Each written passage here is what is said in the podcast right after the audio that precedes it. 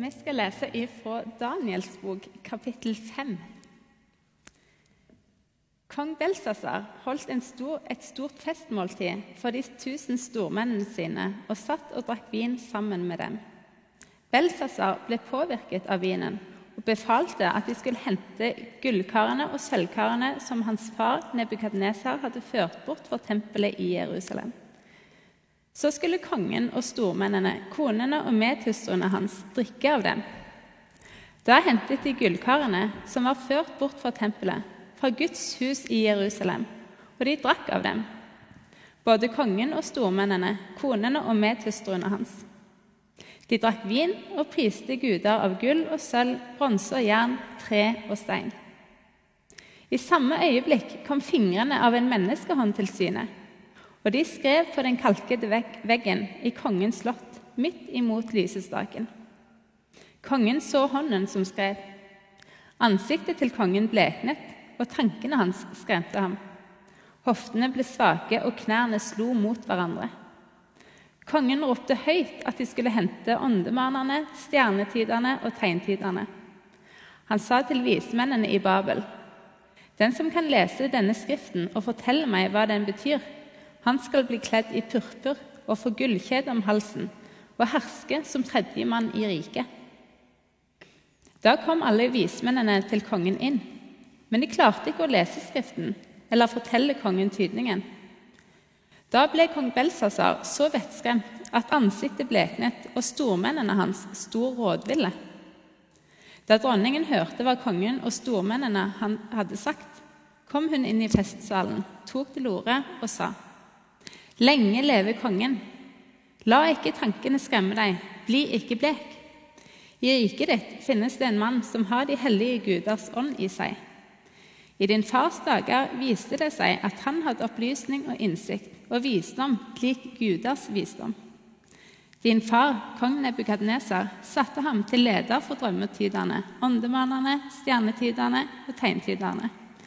Det gjorde din far, konge, fordi det hos Daniel, som kongen ga navnet Belsasar, fantes en usedvanlig ånd.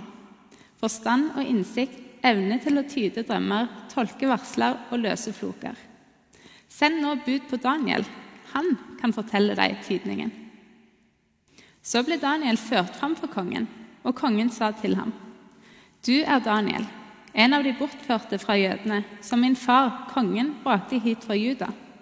Jeg har hørt om deg, at gudenes ånd er i deg, og at du har vist deg å ha opplysning, innsikt og usedvanlig visdom. Nå er vismennene og åndemannene ført fram for meg for å lese denne skriften og fortelle meg tydningen. Men de er ikke i stand til å tyde ordene. Men jeg har hørt om deg, at du kan gi tydninger og løse floker. Kan du nå lese Skriften og fortelle meg tydningen, skal du bli kledd i purpur og få gullkjede om halsen og herske som tredjemann i riket. Daniel svarte kongen, behold de fine gavene dine selv, eller gi dem til en annen. Men Skriften skal jeg lese for kongen og fortelle tydningen. Konge, Gud den høyeste, ga rike og makt, ære og herlighet til din far Nebukadneser. Fordi Gud hadde gitt ham så stor makt, skalv alle folk og nasjoner og tungemål for ham og var redde. Den han ville, lot han drepe, og den han ville, lot han leve. Den han ville, opphøyde han, og den han ville, fornedret han. Men da han ble stor i egne tanker og stolt og hovmodig i sin ånd, ble han støtt ned fra kongetronen, og hans ære ble tatt fra ham. Han ble jaget bort fra menneskene, og hans hjerte ble som et dyrehjerte. Han holdt til blant villeslene og spiste gress med oksene. Kroppen hans ble hvetet med dugg fra himmelen, inntil han forsto at Gud, den høyeste, rår over menneskenes rike og kan gi det til hvem han vil. Men du, Belsasar, hans sønn, har ikke blitt ydmyk, enda du visste om alt dette. Du har opphøyd deg mot himlenes herre. Har deg, de har kommet til deg med kar fra hans hus, og du og stormennene, konene og medhustruene dine har drukket vin av dem. Du priste guder av sølv og gull, bronse og jern, tre og stein, som verken ser eller hører eller skjønner noe. Men den Gud som har livet ditt i sin hånd, og som rår for hele din livsvei, ham har du ikke æret. Derfor ble denne hånden sendt fra ham og denne skriften skrevet. Dette er det som ble skrevet. Mene, mene, tekel ufarsin. Og dette er tydningen av ordet.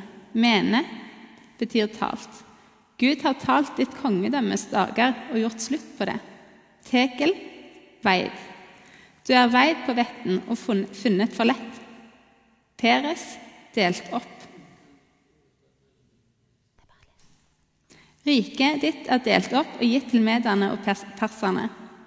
Da befalte Belsasar at de skulle kle Daniel i purpur, henge gullkjede om halsen hans og rope ut at han skulle herske som tredjemann i riket. Men samme natt ble Belsazar, kalderkongen, drept.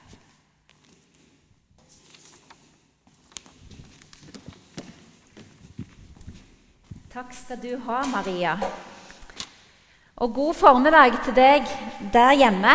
Jeg håper dagen er god.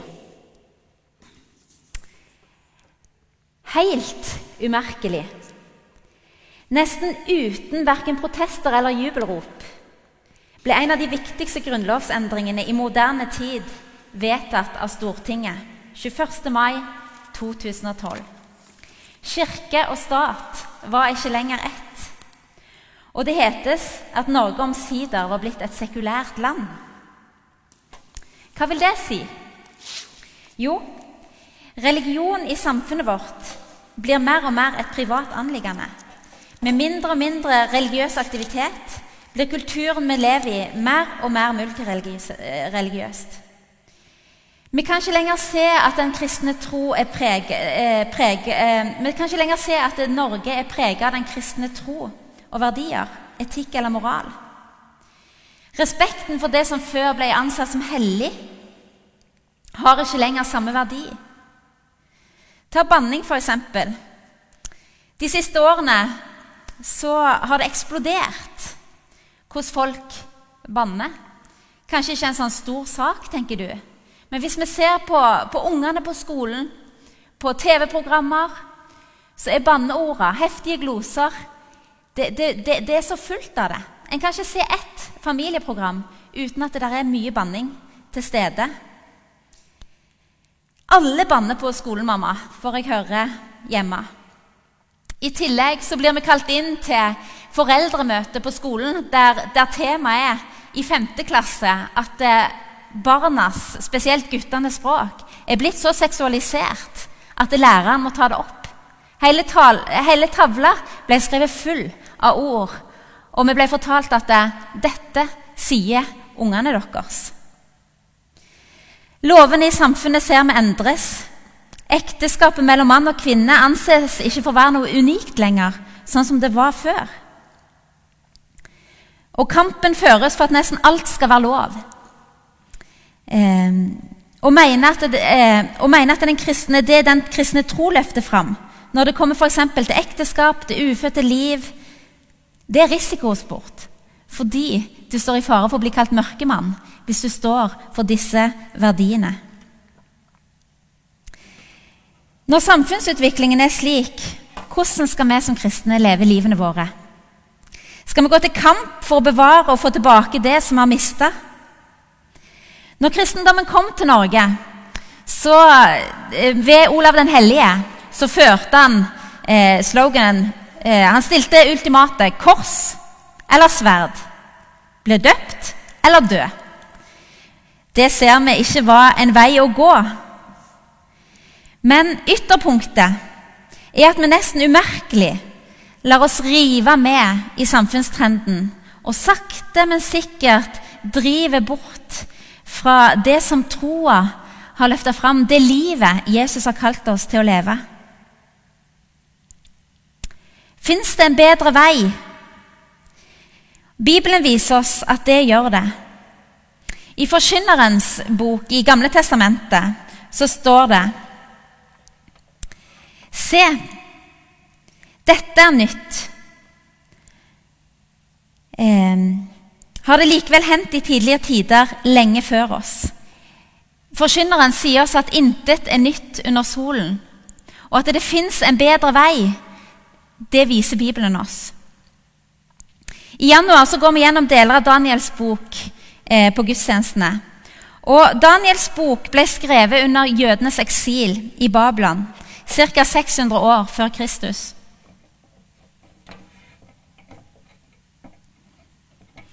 Jødene ble bortført fra eh, Juda, fra Jerusalem. Jerusalem ble inntatt, og de ble bortført til, Bab eh, til Babylon av det babylonske riket under kong Nebukaneser. Situasjonen jødene og Daniel eh, var i, var på mange måter i Babylon lik den vi opplever i samfunnet i dag. Kulturen var fremmed og fiendtlig mot deres tro. Og De to forrige søndagene så hørte vi Fredrik tale om hva vi kan lære av Daniel og vennene hans. Om hvordan vi kan leve ut vår tro i en sekulær verden. Og det skal vi fortsette med i dag. Vi hørte Maria lese om Belsasar sitt gjestebud og skriften på veggen. Og jeg synes Det er fascinerende å se hvordan faktisk Bibelens eh, uttrykk og ord fra Bibelen det preger språket vårt i dag. Og bare fra dette kapittelet med, eh, som ble lest nå, eh, Daniel kapittel 5, så er det to uttrykk som hyppig blir brukt i, i samfunnet. Og det ene er eh, 'blitt veid og funnet for lett', og det andre er 'skriften på veggen'. Uttrykk vi bruker for å eh, poengtere ting i dagligtalen. Og Vi skal se på tre ting i dag ut ifra denne teksten og se hva det kan lære oss. Og Det første vi skal se på, er det denne festen kong Balsasar holder. Det andre vi skal se på, omhandler Daniel. Han som blir henta inn av, eh, av, dronninga, og som eh, er tidenes festbrems med det han sier. Og Det tredje vi skal se på, er nettopp dette skriften på veggen. Men vi begynner med festen. Og Belsasar han holder her et stort selskap med hele overklassen sin til stede. De drikker vin sammen, og i første øyekast så er ikke det noe eksepsjonelt og eh, spesielt. Men hvis en kjenner til skikk og bruk på den tida, så vet han at det var høyst uvanlig å gjøre sånn som Belsazar gjorde. Han hadde alle konene sine og alle medtøstrene. altså hele haremet sitt, hadde han med på denne festen. Og det var ikke vanlig skikk og bruk på den tida. Det var helt Absolutt ikke etter boka. Men Belsazar gjør det. Han tar for inn alle disse vakre kvinnene, og de er med på festen. Så det holdes altså en heftig fest for 1000 gjester med mye alkohol og damer tilgjengelig. I tillegg så henter kongen inn gull- og sølvkar som Nebukaneser tok fra tempelet i Jerusalem når jødene ble bortført mange år tidligere. Og de skåler med disse eh, kara som eh, tidligere sto i tempelet til jødene. Eh, Belsazar demonstrerer storheten i kongeriket sitt. Han, han, han håner den guden som mange, på mange måter har blitt tydelig for ham. Og Vi hørte forrige søndag at kong Nebukadnesar påla folket å ikke håne jødenes gud. For Nebukadnesar velsigna jødenes gud etter, etter han hadde sett at han er den som, som, er stor, og den som finnes. Den som er på ekte. Belsazar holder en grenseoverskridende, grenseoverskridende fest både moralsk og åndelig. Så hva handler dette egentlig om? Hvorfor blir dette trukket fram i Bibelen? Det som ikke kommer så tydelig fram i teksten her, det er at kong Belsazar og Babylon på dette tidspunktet har en overhengende trussel mot seg. Et massivt trusselbilde. For historien viser, uh, ulike historiske skrifter, at bare én ukes tid i forveien så har eh, perserne under ledelsen av Kyros de har overvunnet den babylonske armeen. Og sammen med mederne står perserne nå klar for å innta Babylon, denne byen som folk trodde var uinntrengelig. Eh, Babylon var bygga slik at ingen skulle kunne invadere denne byen. Men perserne og mederne de hadde en plan, og de hadde konstruert det slik at de klarte å komme seg inn, og de var på vei til å gjøre det. Og faren Belsazar vet at faren for at han og alle stormennene hans dør denne natta, den er reelt til stede. Enten vil de bli drept, eller så vil de bli bortført. Og Det er blitt spekulert mye i hvorfor Belsazar velger å holde en sånn fest når situasjonen er sånn som den er. Eh, noen mener at han ved å holde denne festen eh, fornekter hele situasjonen han er i. Andre mener at det er en måte å håndtere frykten sin på. Mens for noen, noen mener at det er en form for strategi han har for at han prøver å vise folk at han, han er ikke redd. Han kan ikke bli berørt av denne trusselen. Det er veldig sannsynlig at for å takle det faktum at Belsazar er et dødelig vesen, så velter han seg i jordisk nytelse og bader i rikdommen sin, samtidig som han raser mot Gud mens han priser disse avgudene sine, seks i tallet. Eh, teologen Timothy Keller han trekker fram perspektivet til en eh, ateistisk antropolog som heter Ernest Becker, og hans forståelse av Belsasars oppførsel. Ernest Becker skrev i 1973 ei bok som heter 'The Denial of Death'. Og Han løfter fram at ingen mennesker kan leve i full bevissthet om at de skal dø en gang, og at da er alt over. Alle, Han mener det at alle kulturers hensikt er å hjelpe menneskene til å avverge vissheten om at de er ubetydelige vesener som har ett utfall i livet, og det er at de vil dø. Ingen mennesker kan klare å leve i vissheten om at når en dør, så er alt over. At det ikke er noen fortsettelse på dette livet. At alle er ubetydelige når det kommer til stykket. For er en ikke ubetydelig når en dør? Når en er dødelig, og alt så er over?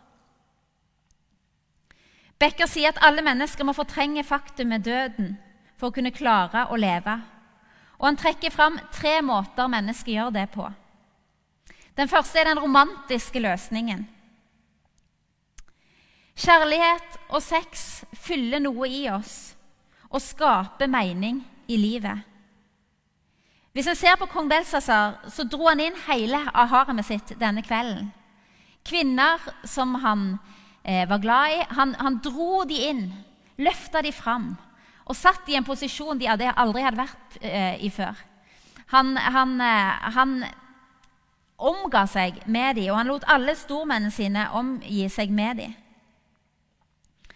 Og Ser vi på samfunnet vårt i dag, så ser vi at det intet er nytt under solen, som jeg leser som forkynneren skrev. Det, skjer det noe, så har det hendt før. Og En trenger ikke gå lenger enn til VG og Dagbladet for å se det fokuset sex har fått i vår tid. Når jeg var ungdom, så, så, så, så var ikke forsidene fylt med eh, folk som hadde sex på eh, på nettaviser. Ikke hadde vi nettaviser heller, da, for så vidt. Men vi blir bombardert med, med, med, sex og kjærlighet, og det fyller samfunnet vårt. Sex selger, og det pøses ut daglig.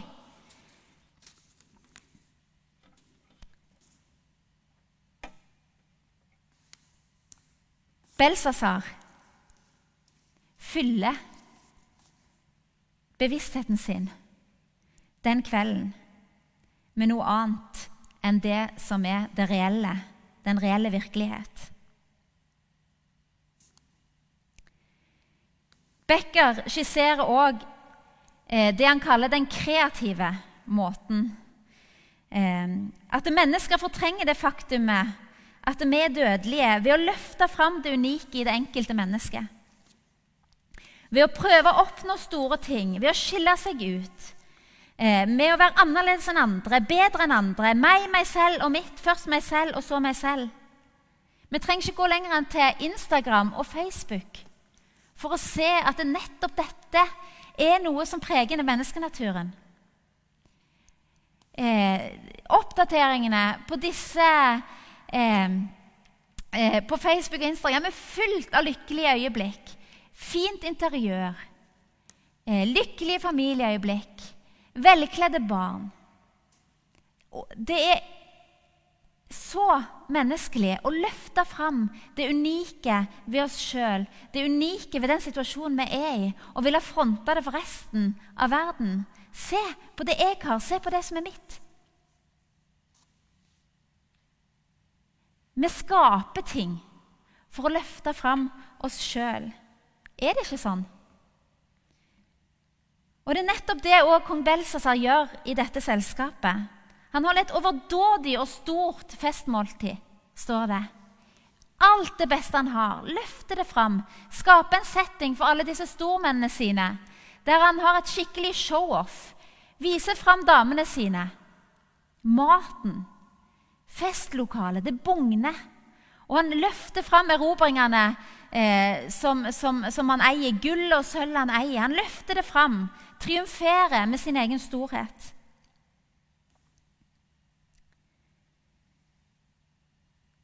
Hvor er fokuset vårt dagen i dag?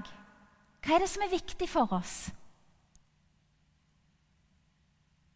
Hva er det som er med oss og gjør at vi føler oss betydningsfulle?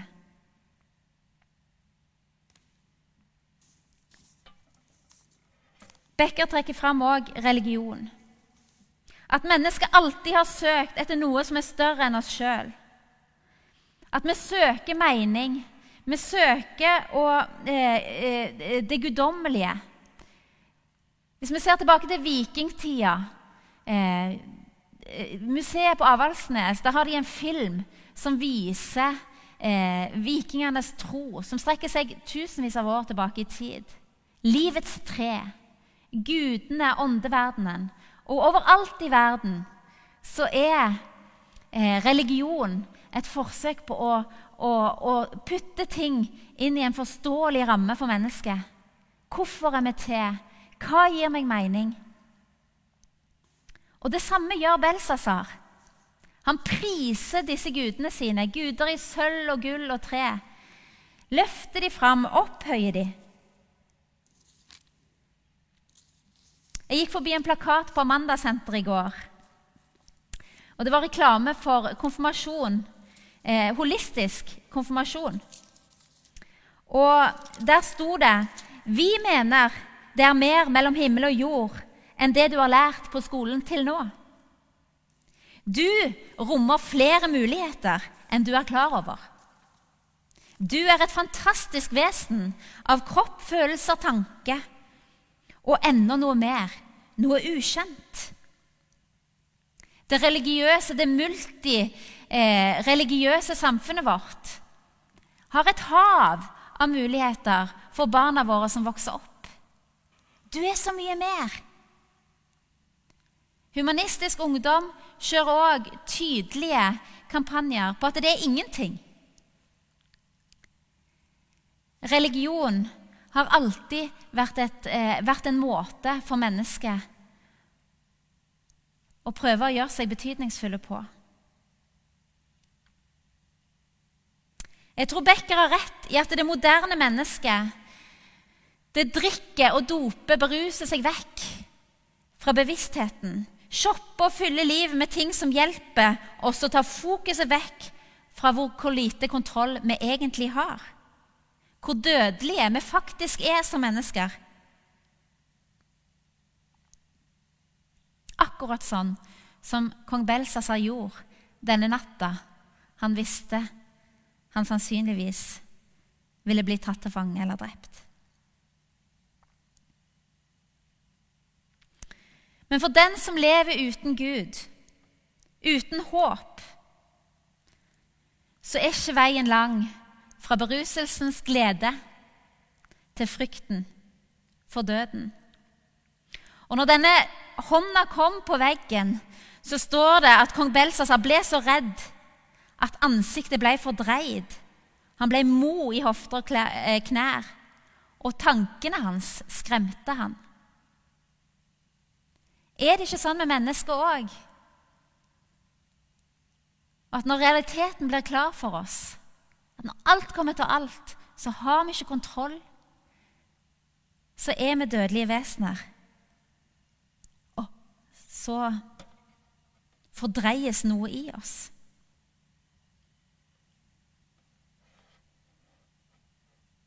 Og For å fortrenge det faktum så fyller vi livene våre med så mye annet. Så har vi Daniel, da. Daniel som kommer, som blir henta inn på denne festen. Som på mange måter er en slags festbremst. For han kommer med et tydelig budskap. Og Daniel her, han viser oss tre måter vi kan finne mening med livet på. Tre måter. Og det første jeg vil løfte fram, det er Guds ord. Den levende Guds ord. I vers 17 så, så, så leste Maria behold at, at, han sier til kongen Kongen lover han gull og fine klær og posisjoner, bare han kan hjelpe han til å forstå hva som har blitt skrevet på veggen. Og Daniel sier han, til han, behold de fine gavene dine selv, eller gi dem til en annen. Men Skriften skal jeg lese for kongen og fortelle tydningen. Hver gang noe dramatisk skjer, så ser vi at eh, kongene i dette landet de kalte inn ekspertene. De kalte inn vismennene, drømmetyderne osv. Med en gang når det var, ikke var noe de ikke forsto, så, så, så hanka de inn ekspertene. Det ser vi jo fortsatt den dag i dag, for intet er nytt under solen. Er det noe som skjer, så lines de opp, ekspertene på NRK og TV 2. Vitenskapsmenn, forskere, eksperter som kan være med og gi en forklaring på det som skjer i verden. Vi så det under valget, vi ser det i koronaepidemien. Vi ser det i alle eh, ting som, som, er, som, er, ekstraordinære. At eksperter blir hanka inn. Og dette gjorde òg kong Belsazar. Men de kunne ikke gi noe svar. Hvis du virkelig vil finne ut om ditt liv er betydningsfullt, så kan ikke denne verdens visdom hjelpe deg. Vitenskapsmenn kan beskrive ting for deg, men de kan ikke beskrive og forklare verdier eller forskjellen på rett og galt. De kan ikke gi deg svaret på hva som skjer når du dør, eller hvorfor. Vil du virkelig komme til bunns i denne saken, så kan ikke verdens visdom hjelpe deg.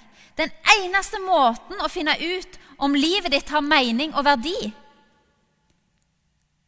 er om du klarer å tro at du faktisk er skapt av noen. For hvis ikke du er skapt med en hensikt av en skaper, så er du jo en tilfeldighet. Da er det jo en ren og skjær tilfeldighet. Sånn kan det jo ikke være. Daniel sier til Belsasar, og han sier til oss, at du må gå til Skriften, eller til Ordet. Ordet, Bibelen, som er Guds ord. Levende og virkekraftig.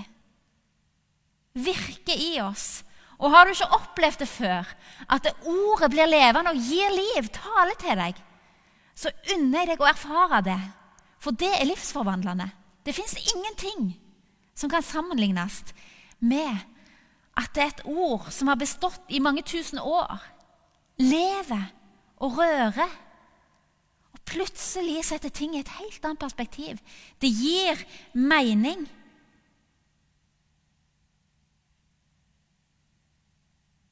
I ordspråkene åtte så står det om visdommens opphav. Og Visdommens opphav er Gud, han som har skapt alle ting. Og I slutten av det kapitlet der så står det 'Den som finner meg, finner livet'. Den som finner Gud, som forstår at Guds ord er liv, de finner livet. Og Daniel han hadde fått rykte på seg for å kunne gi tydninger og løse floker, så eh, hørte vi Maria lese. Han kunne gi tydninger og løse floker. Og det er nettopp det Guds ord gjør. Den gir tydninger og den løser floker i livet ditt. At ubetydelig som du kanskje føler deg, så, så fins det en Gud som ønsker å gi deg mening. Du er betyd, eh, betydningsfull for han. Og Det er fantastisk. Guds ord er levende, og det sier at du har verdi. Du er betydningsfull.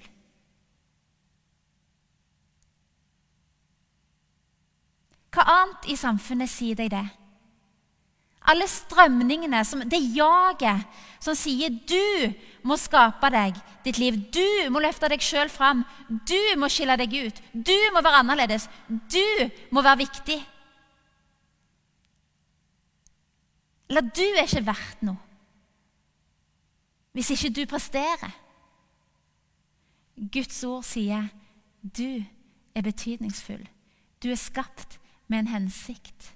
Du har umistelig verdi.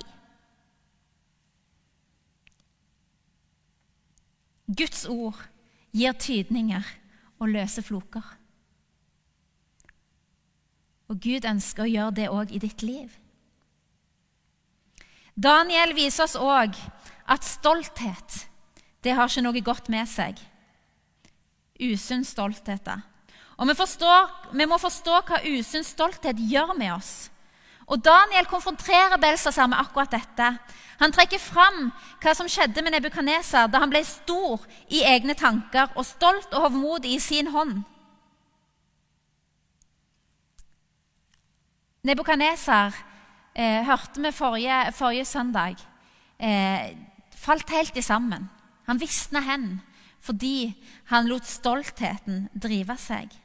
Helt inntil han forsto at Gud, den høyeste, rår over menneskenes rike og kan gi det til hvem han vil. Daniel konfronterer Belsazar og sier, 'Men du, hans sønn, har ikke blitt ydmyk, enda du visste alt dette.' For Belsazar visste veldig godt. Han visste hva jødenes gud hadde gjort, eh, og hvordan Nebukaneser hadde respondert på det. Den Gud, sier Daniel, som har livet ditt i sin hånd, og som rår for hele din livsvei, ham har ikke du æret. Stolthet blir så ofte et forsvarsverk for oss. Ingen skal komme og fortelle meg svaret. Ingen skal komme og fortelle meg hvordan jeg skal leve livet mitt. Nei, vet du hva? Og det kristne livet i alle dager. Kan ikke jeg gjøre det eller det eller det? Nei, hallo. Og så misforstår du kanskje hele hva det egentlig dreier seg om. Den som finner meg, finner livet, sier Gud. Men han har gitt oss rammer å leve etter, sånn at det skal være godt og trygt for oss. Belsazar han stritta imot og håna jødenes gud mens han skålte til andre guder. Kanskje stritter du imot. Men stolthet, viser Daniel oss, det, det leder ingen sted.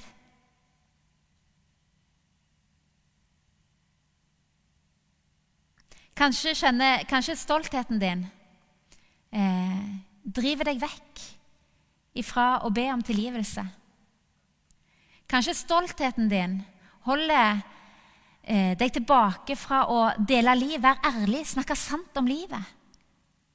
Du tenker 'nei, jeg kan ikke, jeg kan ikke vise hvem jeg egentlig er'. Da, da vil folk eh, snu meg ryggen. Men i Guds rike er det ikke sånn. Gud opphøyer det som er knust og nedbrutt og ødelagt. Og så gir han det ære. Han gir det verdi. Ikke la stoltheten holde deg fast. Det siste Daniel viser oss, det er at eh, Som jeg vil trekke fram, er at det er en stor forskjell mellom religion og mellom det å tro.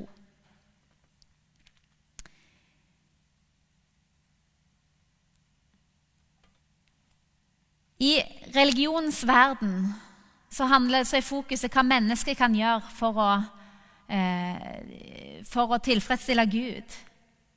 For å få nåde, for å bli frelst. Fokuset er på hva mennesket gjør. I kristendommen så handler det om at Gud kom ned.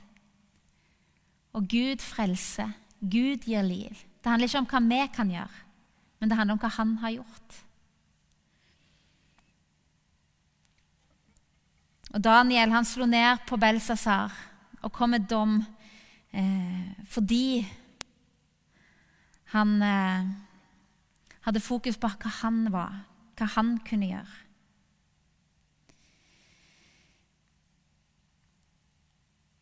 Nå skal vi se på Skriften på veggen til slutt. Hva sier dette med Skriften på veggen oss? Og Vi ser at Gud han griper inn i denne festen. Han sender en hånd som skriver på veggen. Eh, og det er et budskap om dom over kong Belsasar. Belsasar var blitt veid og funnet for lett. Hans dager var talte, og han ble dømt. Han, han døde. Hans dom ble døden. Litt over 400 år senere så ser vi at Gud griper inn i verdenshistorien. Og han sender Jesus Kristus, sin sønn, til jord. Og det er et budskap om dom over jorden, men nå snudd på hodet. For Jesus han tok dommen på seg for at vi skulle gå fri. For så høyt har Gud elska verden at han ga sin sønn den enbårne, for at hver den som tror på han, ikke skal gå fortapt, men ha evig liv. Og dommen tok han over seg på korset når han lei døden. Og I dødsriket overvant han djevelen, og han beseira døden og ble reist opp igjen.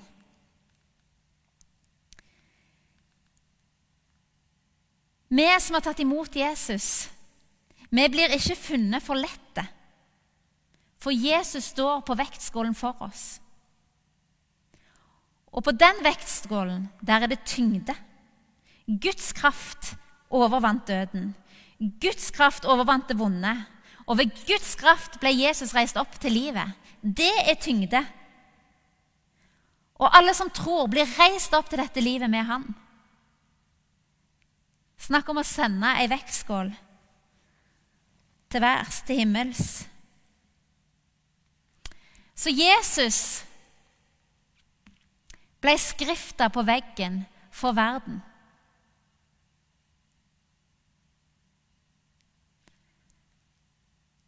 Dommen ble døden for Jesus, men livet for oss. Og så har, eh, og så har Jesus sendt oss til verden. Gå ut og gjør alle folkeslag til disipler. Han kaller oss til å være skriften på, på veggen i et samfunn som faller fra hverandre bokstavelig talt. Jesus befaler oss til å være, kaller oss til å være skriften på veggen for mennesker som trenger livet, som trenger håp som trenger mening. For hvis vi ser, ser på samfunnet i dag, hvor mange går rundt og føler at de har verdi, at de er betydningsfulle i dag? Se på ungene, hva de fyller seg med på den skjermen. Er det liv i det?